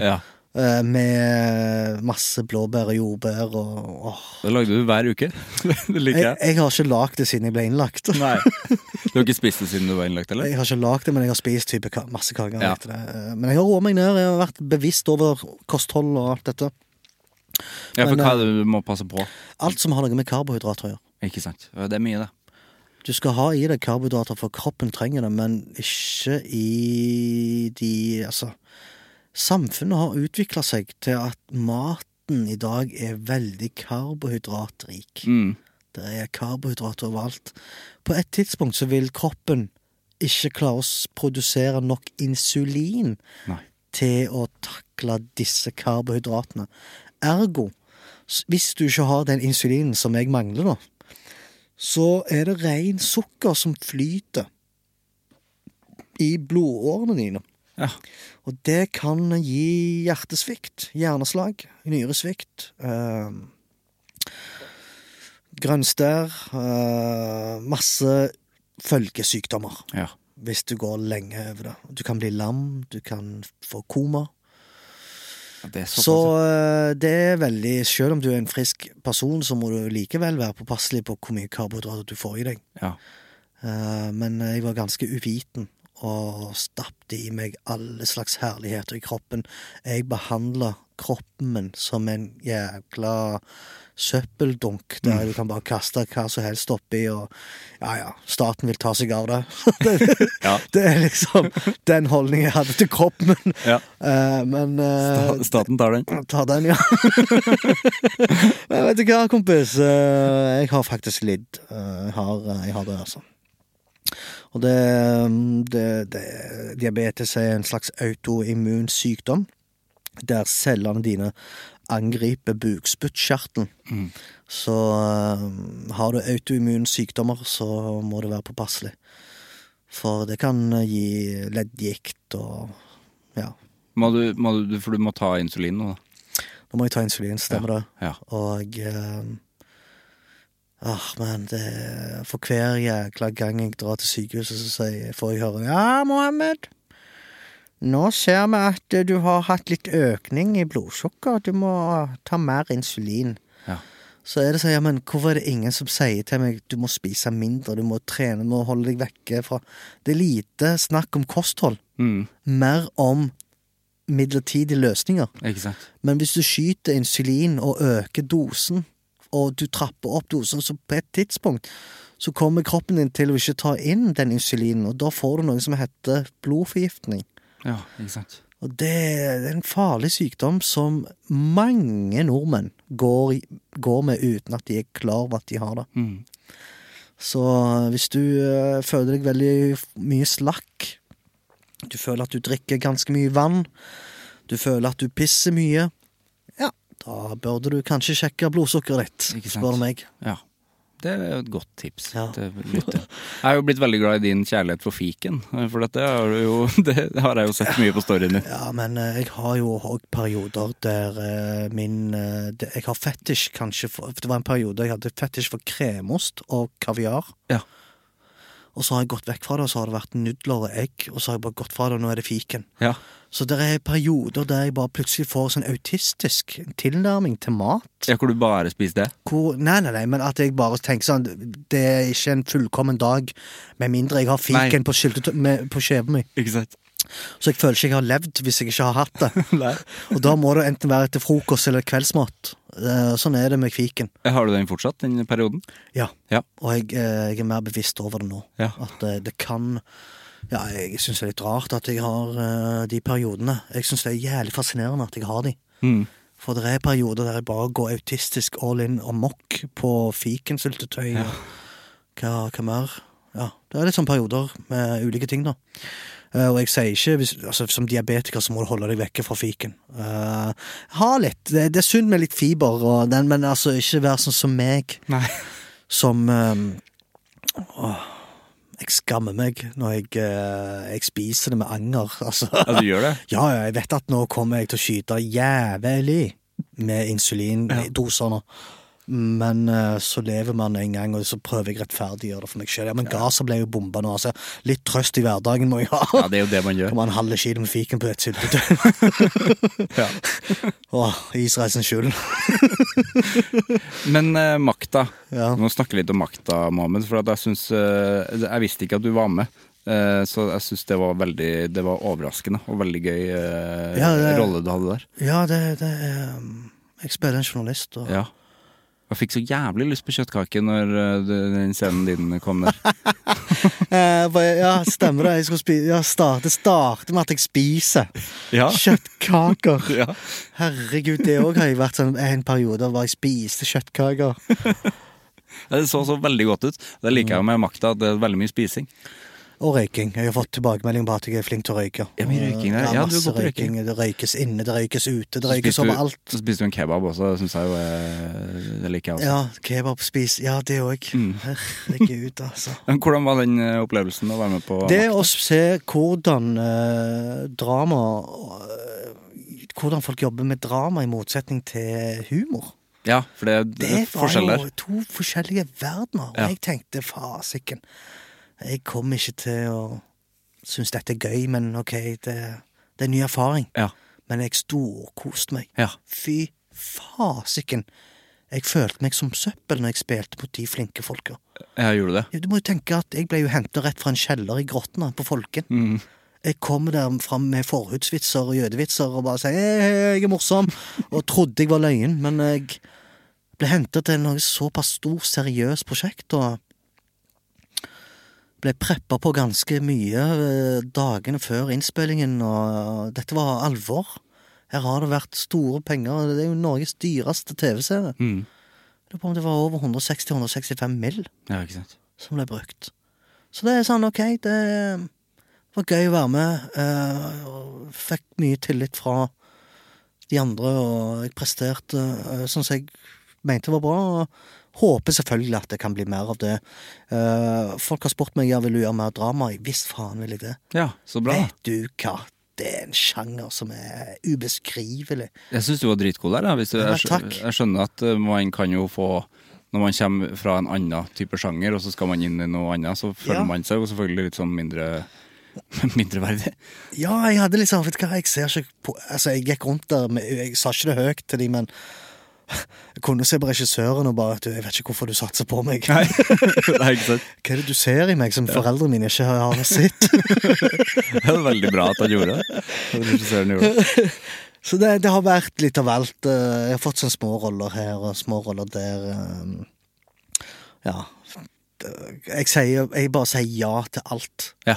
Eh, er- Du har de kunstnerne som gjerne, eller komikerne som gjerne er bevisste på hva de sier nei til og ja til. Men jeg har ikke det filteret der jeg føler at jeg må si nei til noe. Nei, det er fint, det. Um, vært med i Tina Bettina 2. Jeg visste at Tina Bettina-filmen er jo en sånn Ja, det er ikke en sjanger jeg hadde sett på sjøl hvis jeg var aleine. Men uh, det er mye komikk, og tenkte ok, for komikkens skyld så kan jeg være med på det. Og satan, det var gøy å være med på den ene scenen. Og det, det var ikke det store, men Det er jo kjempegøy. Og, oppi alt så tenker jeg når du samler alle de tingene, så blir det en fin kurv du kan uh, uh, ha ved siden av deg når du ligger sengeliggende og er på vei til å dø. Mm. Ja, jeg har vært med på det. Ja, det er kjempefint. Kanskje du angrer på at du har sagt nei. Åh, bra Segway, for nå må vi snakke litt om angring. Ja.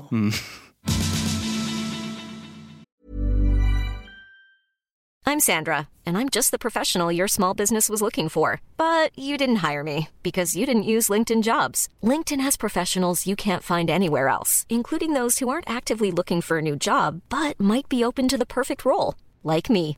In a given month, over 70% of LinkedIn users don't visit other leading job sites. So if you're not looking on LinkedIn, you'll miss out on great candidates like Sandra. Start hiring professionals like a professional. Post your free job on linkedin.com/people today.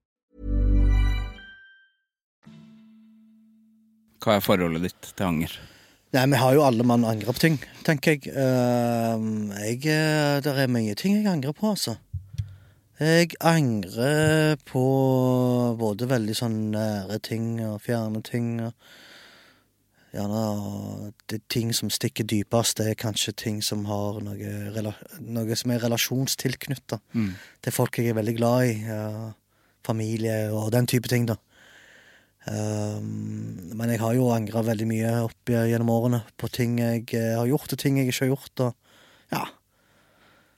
Det, det har eh, Det har tæra meg innvendig. Men uh, i 2017, oktober 2017, da husker jeg at, at jeg bestemte meg for å gå videre i livet.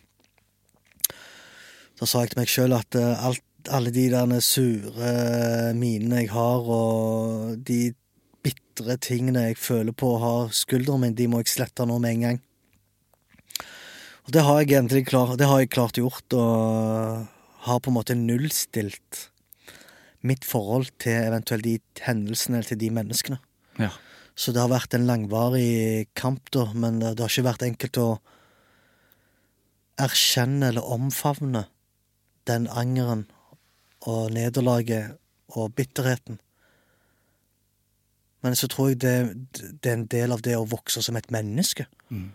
At du bare innser at Eller omfavner dine feil. Dine negative Idiotiske historikker. Og bare si til deg sjøl, vet du hva Greit, det skal ikke skje igjen. Jeg skal bli bedre. Jeg skal gjøre det annerledes neste gang. Jeg likte veldig godt at det skjedde i oktober 2017, for da starta jeg anger. Oh ja, Det føles ut, føles ut som en sånn full circle-greie. ja. circle-greie. Ok, kult. Ja. Nei, nei, jeg husker veldig godt. Jeg var med en kompis av meg i skogen der og i Rogaland og dreiv og tente bål, lagde laks og hadde det jævlig gøy. ja. Mye stillhet, men uh, det var tid for å ha litt stillhet i hverdagen. Ja. Komme oss vekk fra maset for hverdagen, og da tenkte jeg ok. Og da husker jeg at den kvelden da spesielt, det var noe med far å gjøre. kverning av ideer, tanker med far. Mm. og, og ordet tilgivelse kom fram. eh, kom fram, og jeg sa til kompisen min jeg, eh, jeg tilgir deg for alt. Og, selv om det ikke var noe greier, men det var liksom tema, da. Mm. Jeg skal tilgi faren min. Så dagen etterpå ringte jeg far og hadde en jævlig kul samtale med han. og Det hadde tatt mange år før meg. Han snakker, vet du, men jeg snakker jo egentlig ikke. Nei. Uh, Jeg har en far som sendte meg ned til Jemen. Han sa to uker ferie, og så bare var jeg i Jemen i ett år. Mm. Da hadde han stukket av til Norge med passet mitt. Oi, er det sant? Så var jeg der i ett år og var jævlig forbanna over at pappa lurte meg. Ja, det skjønner Så, jeg. så da har jeg mista all respekt til han. Ja. Så det gikk mange år før jeg virkelig gadd å så Hei, man, hvordan går det? ja. Vil bare si hei. så det har tatt sånn noen år, og ja. Men jeg angrer ikke så mye på det. Ja, det er mer det at jeg har brukt mange av mitt ungdomsår eh, etter jeg kom tilbake fra Jemen. Da tenkte jeg hva, nå skal jeg bare kose meg, så jeg bare drev og hang utenfor McDonald's i Stavanger sentrum. Dag inn, dag ut. Kveld inn, kveld ut. Meg og gjengen vår. Chilenere og altså, Det var all slags mulig gjeng vi var. Og Vi hadde én ting til felles, nemlig at alle vi var blakke og hadde utenlandske foreldre. Og, og vi har jo egentlig ingen steder å gjemme oss. Så da kasta jeg to år av mitt liv der, og jeg kunne gjort så sinnssykt mye fornuftig Ja. istedenfor å henge utfor byen. Jeg var sånn ekkel bytryne. Ja. Som var sånn Han fyren her må dra til trynet i sentrum. Det var, det var Mohammed, det. Ja. Jeg får fortsatt høre den i dag òg, at uh, du var litt rappkjefta den tida. Ja, jeg var jo illsint òg. Illsint ungdom. Men det er forståelig at du var sint. òg?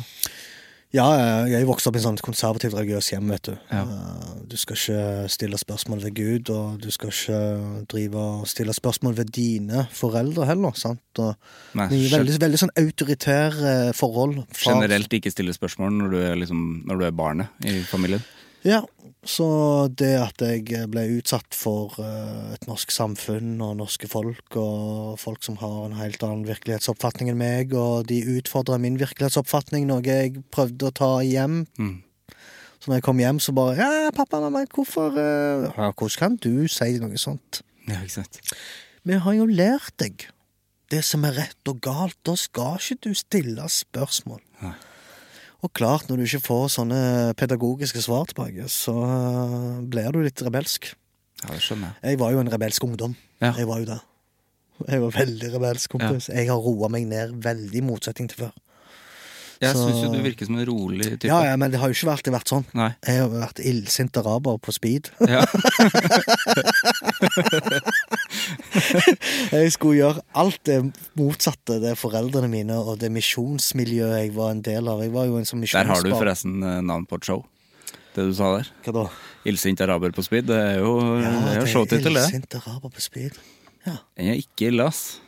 Selger den billetter. Den selv. Jeg kommer. Jeg kjøper mange. Om, eh, ja, iallfall folk på speed. Ja, ja. ja. Trodde det var speed her. de har jo penger, de. det er et humorshow. Jeg har ikke speed. Jævlig uheldig. Ja, det er litt vel. Ja, jeg skal ta det, jeg skal ta det, jeg skal ta, tenke på det. Ja, det syns jeg du skal. Ja. Nei, men eh, det er jo anger her og der, men eh, det gjelder å Ja, Er det noe positivt i det, tenker du? Ja, Angring? ja, ja. ja. Det viser bare at eh, det er noe med moralkompasset ditt som justeres her. Mm. Uten anger så vil jeg si at du som menneske ikke utvikler deg. Så er det sikkert noen som er en del av de folka jeg har hengt med eh, når jeg studerte på Misjonshøgskolen, som mener at ja, men anger og skyldfølelse og samvittighet, Mm. det er et resultat av kristendommen. Mm. Bare sånn, ja, men før kristendommen så var det jo litt samvittighet og anger og. Nei. Nei. Så, så det er sånn Jeg har eh, ja, ja, Akkurat den, tema, den tematikken der eh, har jeg eh, liksom hatt og har hørt enkelte påstå at dette er et sånn resultat av religion, da. Mm. Uten religion så har ikke vi hatt følelse av anger og, og medlidenhet, og det syns jeg er helt på bærtur. Ja, det er veldig merkelig. Ja. Men folk må få lov til å tro hva de vil. Men eh, det er selvfølgelig positive ting med det. Ja. Um, jeg føler iallfall at jeg har uh, det, det er vanskelig å, å erkjenne at du har gjort noe feil, og at du angrer på det. Det, det, det, det er en prosess i seg sjøl. Mm. Men eh, jeg har blitt flinkere til å anerkjenne det, da. Ja. Selv om kanskje bestekompisen min Karsten er uenig i at jeg gjør det. Men jeg vil påstå si at jeg, vet du hva? Jeg har evnen til å sitte ned og tenke 'beklager, nå angrer jeg'. ja, Apropos Karsten, han sa jo til deg tidligere i dag at du måtte angre på noe. Ja, Han ba meg om å si til deg at jeg skulle angre på en informasjon, misinformasjon, som jeg fortalte han. Mm. Og eh, det, til å begynne med, det er ikke en misinformasjon. Det handler bare om at meg og han drev og diskuterte om at eh, det, Jeg sa til han du må ikke jogge når det er minusgrader. Prøv helst å ikke jogge, for da du kan få lungebetennelse. Det er det dummeste jeg har hørt, sier han.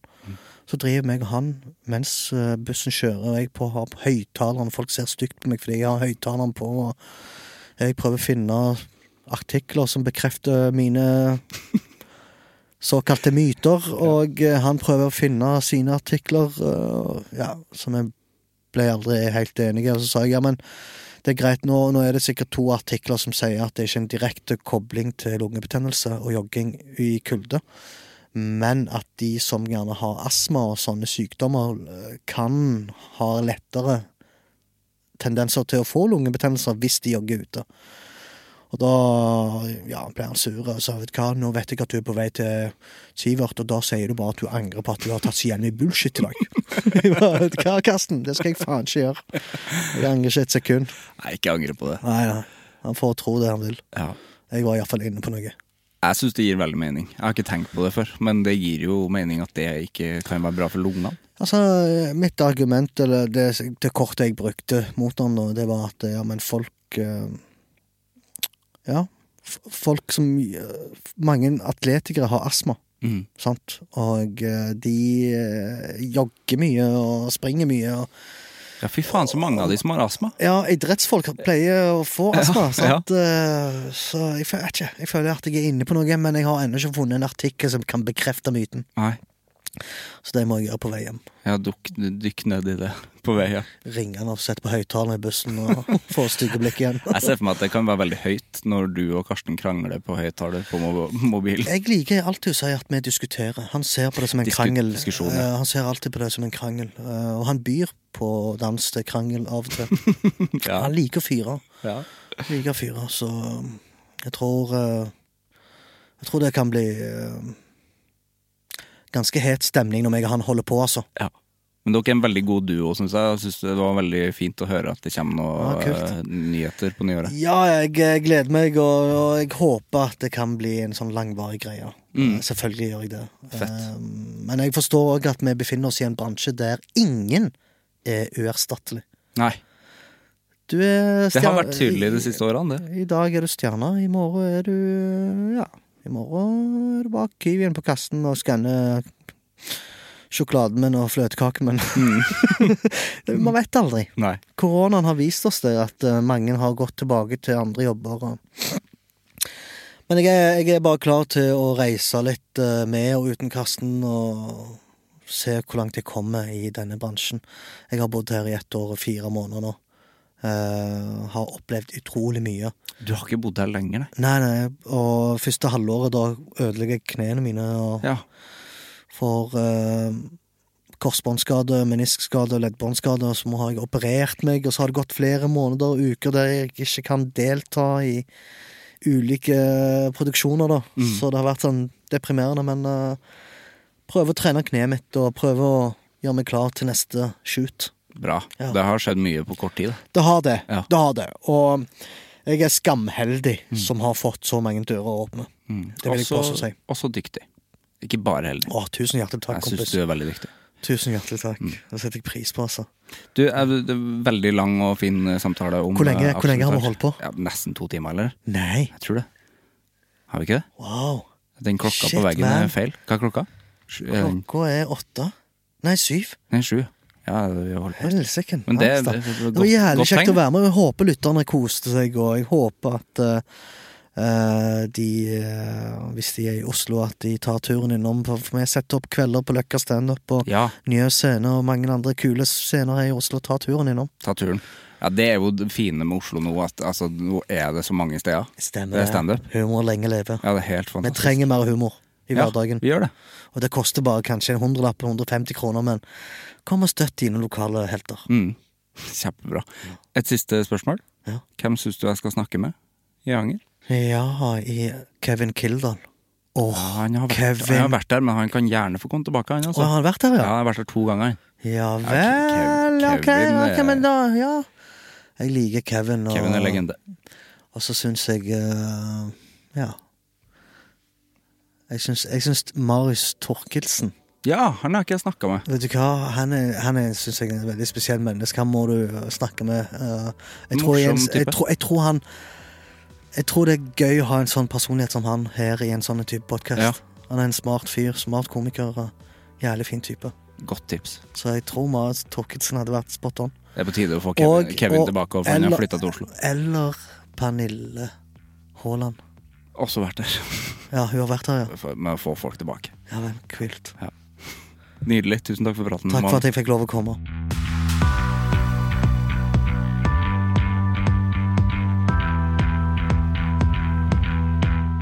Det var Mohammed og meg. En uh, veldig lang og veldig fin prat om uh, veldig viktige ting.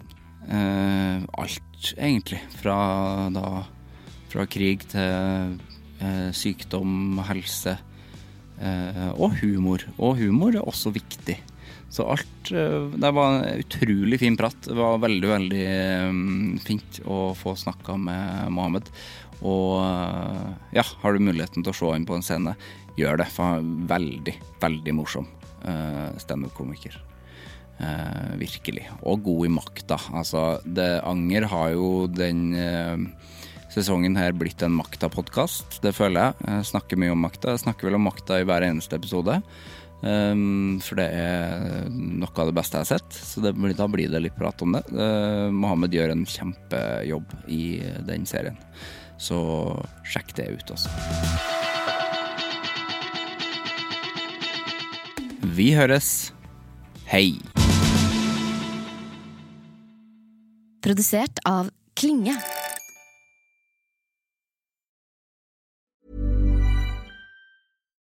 Why don't more infant formula companies use organic, grass fed whole milk instead of skim? Why don't more infant formula companies use the latest breast milk science? Why don't more infant formula companies run their own clinical trials? Why don't more infant formula companies use more of the proteins found in breast milk? Why don't more infant formula companies have their own factories instead of outsourcing their manufacturing? We wondered the same thing. So we made ByHeart, a better formula for formula. Learn more at byheart.com. Hi, I'm Daniel, founder of Pretty Litter. Did you know cats tend to hide symptoms of sickness and pain? I learned this the hard way after losing my cat, Gingy. So I created Pretty Litter, a health monitoring litter that helps detect early signs of illness by changing colors, saving you money and potentially your cat's life. Pretty Litter is veterinarian developed, and it's the easiest way to keep tabs on your fur baby's health right at home. Go to prettylitter.com and use code ACAST for 20% off your first order and a free cat toy. Terms and conditions apply. See site for details.